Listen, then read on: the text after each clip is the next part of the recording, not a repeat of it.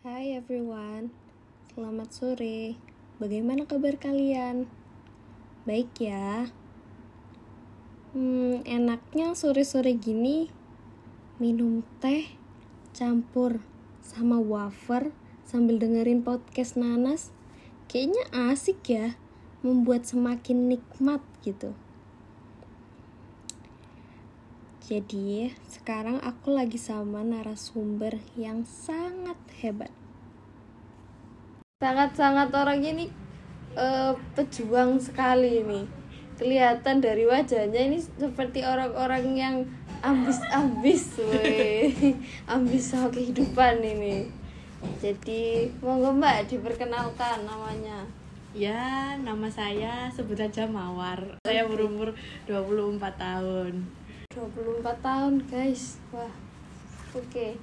jadi mbak terima kasih banyak loh ini udah uh. mau datang berbincang-bincang dengan kita dan kawan-kawan. Ya. Saya ini ngelihat mbak ini kenapa saya bilang ambis nih kayak wajahnya itu udah meyakinkan sangat pejuang banget dan tegas gitu loh. Masa sih? Iya beneran. Um, saya mau nanya deh Mbak nih pernah nggak ngerasain apa ya melakukan perjuangan dalam hidup selama 24 tahun itu perjuangan yang sangat besar itu ngapain? Perjuangan sangat besar. Iya.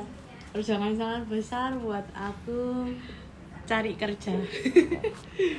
ya untuk sebagian orang uh, cari kerja itu uh, mudah ya apabila kalau ada relasi atau biasanya orang nyebutnya orang dalam tapi kan uh, di sini aku itu uh, orang biasa. Jadi uh, memulai dari nol cari kerja lulus kuliah sempat nganggur uh, selama empat bulan baru dapat pekerjaan. Dan di situ perjuangan terbesar sih.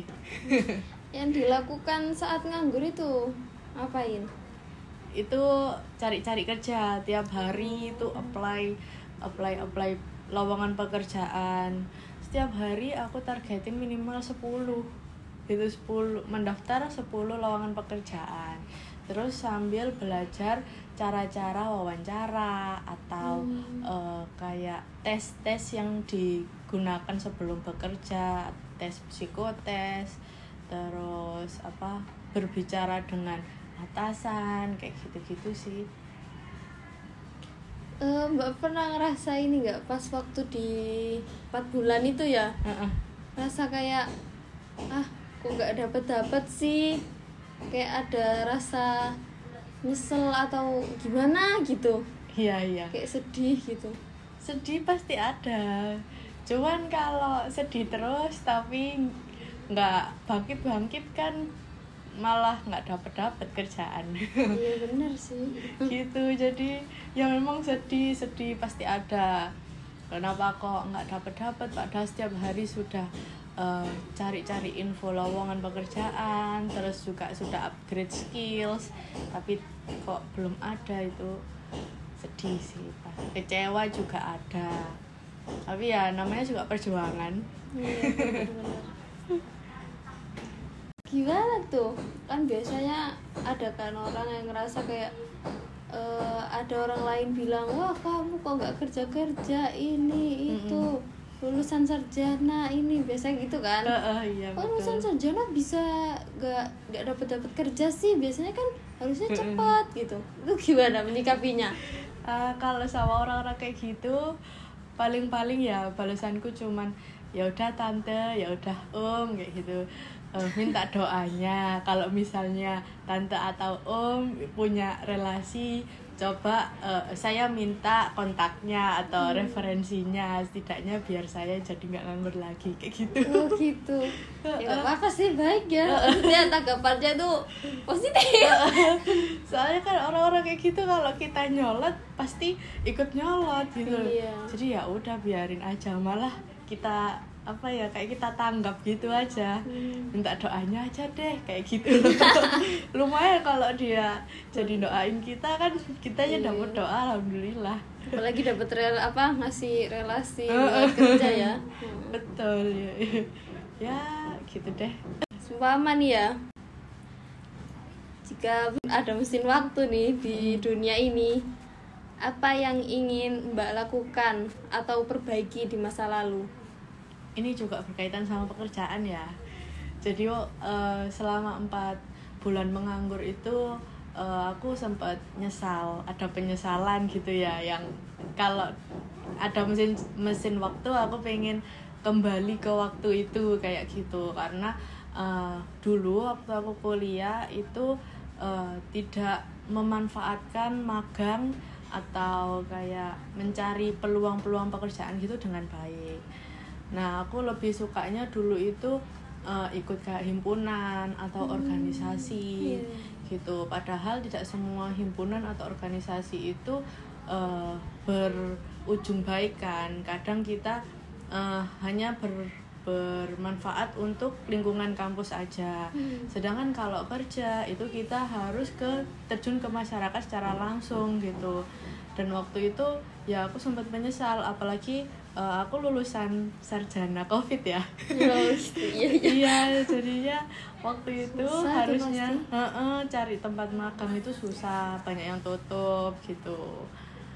Itu sih kalau pengen kembali ke uh, masa lalu ya pengennya kembali ke kuliah terus bisa magang ke beberapa tempat mungkin ini ya lebih balance saja ikut himpunan iya ikut magang juga iya gitu iya, ya. betul. Soalnya kan dulu aku kalau di mahasiswa itu sebutannya budak proker. Oh. jadi ikut-ikut organisasi gitu aja.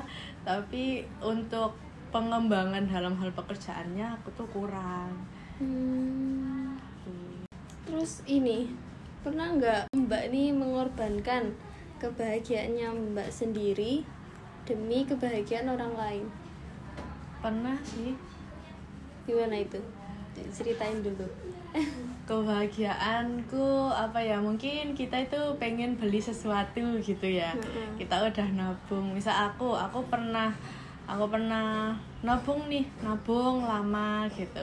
Aku tuh dulu pengen beli motor sendiri iya. gitu. Tapi e, di sisi lain ternyata adikku itu juga butuh uang buat masuk kuliah jadinya uang yang aku tabung itu buat bayar ad, e, membantu adikku masuk kuliah dulu hmm.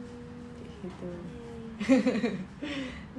tapi nggak apa-apa sekarang alhamdulillahnya sudah dikasih rezeki lagi jadi bisa beli motor lagi itu sih kalau orang lain kebanyakan ya untuk keluarga karena memang uh, kalau sama keluarga kan kita nggak bi nggak apa ya sungkan kalau nggak nolong. Terus juga kalau ada apa-apa kita butuh juga keluarga kan yang nolong. Jadi ketika keluarga butuh apa ya kita juga beberapa kali mengorbankan. Hmm, gitu. Juga sih. Gitu sih. Tapi kayak gitu tuh kadang agak ada berat-beratnya sendiri gak sih gitu?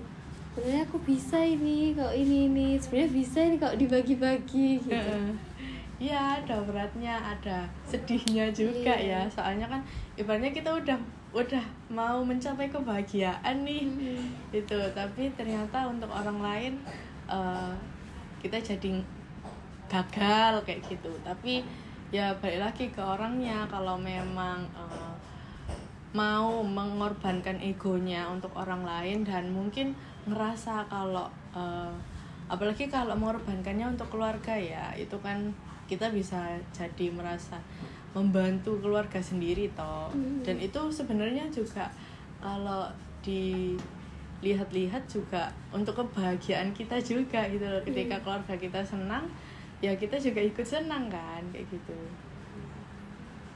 Terus sih. Terus um, bagaimana caranya mbak menghadapi perubahan dan pertumbuhan yang bakalan terus menerus yang terjadi dalam hidup mbak ini perubahan ya.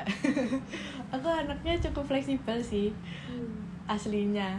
Gimana tuh fleksibel tuh maksudnya uh, kalau misalnya ada perubahan apa aku bisa mengikuti kayak gitu. Hmm, jadi nggak yang beradaptasi gitu ya? Uh, uh, dan nggak yang strict pada pada jalannya gitu loh. Kadang aku juga mikir kalau misalnya ada jalan uh, ada perubahan aku bisa kok tetap mencapai perubahan itu mencapai tujuan itu lewat jalan yang lain kayak gitu. Jadi kalau perubahan kalau nggak besar banget sih sebenarnya aku biasa aja nak. Hmm. itu tapi kalau perubahan yang lebih ba apalagi perubahan yang lebih baik ya itu kan pasti jadi eh, evaluasi diri sendiri. Oh aku kurangnya di sini. Ternyata orang lain nganggapnya aku kayak gini gini gini gitu. Jadi eh, bisa merefleksikan diri sendiri juga sehingga kita juga bisa lebih berkembang lebih bertumbuh itu tadi. Hmm. lebih ke memanfaatkan perubahan sampai jadi manfaat sih. Iya benar juga sih. Gitu. Tumbuhan. Dan Mm-mm. semakin eh, tambah dewasa tambah dewasa Mm-mm. semakin harus sikap harus bisa menghadapi apa pun. Iya mandiri betul. gitu kan. Iya. Betul. Jangan jadi orang yang kaku kayak gitu kan. Mm-mm. betul sih itu. Gimana sih mbak? Kan tadi kan bilangnya eh, bisa diperbaiki di masa lalu. Ya nah healingnya mbak tuh dengan melupakan kesedihan di masa lalu itu gimana? Oh eh, kalau aku ya healingnya ya paling-paling kayak lihat film. Hmm, gitu. Terus? Eh, terus kayak mewarnai aku suka mewarnai sih atau eh, menyibukkan diri sama sesuatu yang lebih Baca buku? produktif. Nggak. Iya bisa baca buku. Kan eh, tadi kan aku bilangnya kalau pengen ke masa lalu itu kan waktu kuliah itu kan akan Iya. lebih memanfaatkan waktu magang. Nah mungkin di yang sekarang itu aku lebih explore dalam dalam hal pekerjaan itu aku lebih fokus kayak gitu. Lebih bisa mendalami mengeksplor hal-hal yang berkaitan sama pekerjaanku yang menunjang kayak gitu-gitu.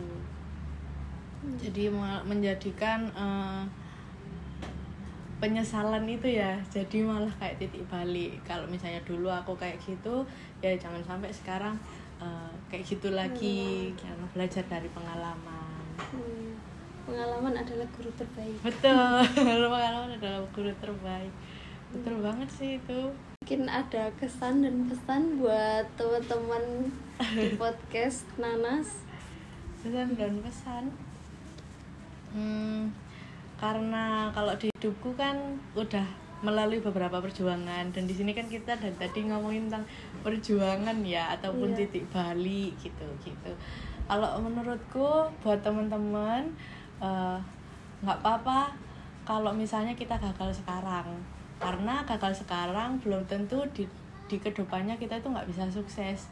Justru malah kegagalan itu yang menjadikan pengalaman terbaik biar kita bisa jadi evaluasi diri sendiri kekurangan diri kita apa dan menjadi pribadi yang lebih baik. Dan eh, kalau aku sih meyakini quotes ini ya terbentur terbentur terbentuk gitu. Jadi sebelum orang itu jadi terbentuk jadi sesuatu yang keren ibaratnya kayak entah menteri ataupun apa atau presiden dan segalanya pasti di sebelumnya itu juga pernah terbentur pada beberapa kegagalan jadi nggak apa-apa kalau gagal itu. It's okay. Bukan berarti setelah gagal kita jadi nggak sukses. Justru ketika gagal itu kita harus bangkit lagi coba lagi. Sampai bisa. Keren sekali gitu. kesan-pesannya saya sampai mangap-mangap. Wah. Itu. Udah gak terasa ya. Ini kita cerita-ceritanya sharing-sharingnya. Ya. Dari satu persatu sampai semuanya kita ceritakan. Terima kasih banyak ya mbak udah bisa bisa diundang ke sini. Ya sama-sama. Bye. Sampai jumpa di podcast nanas berikutnya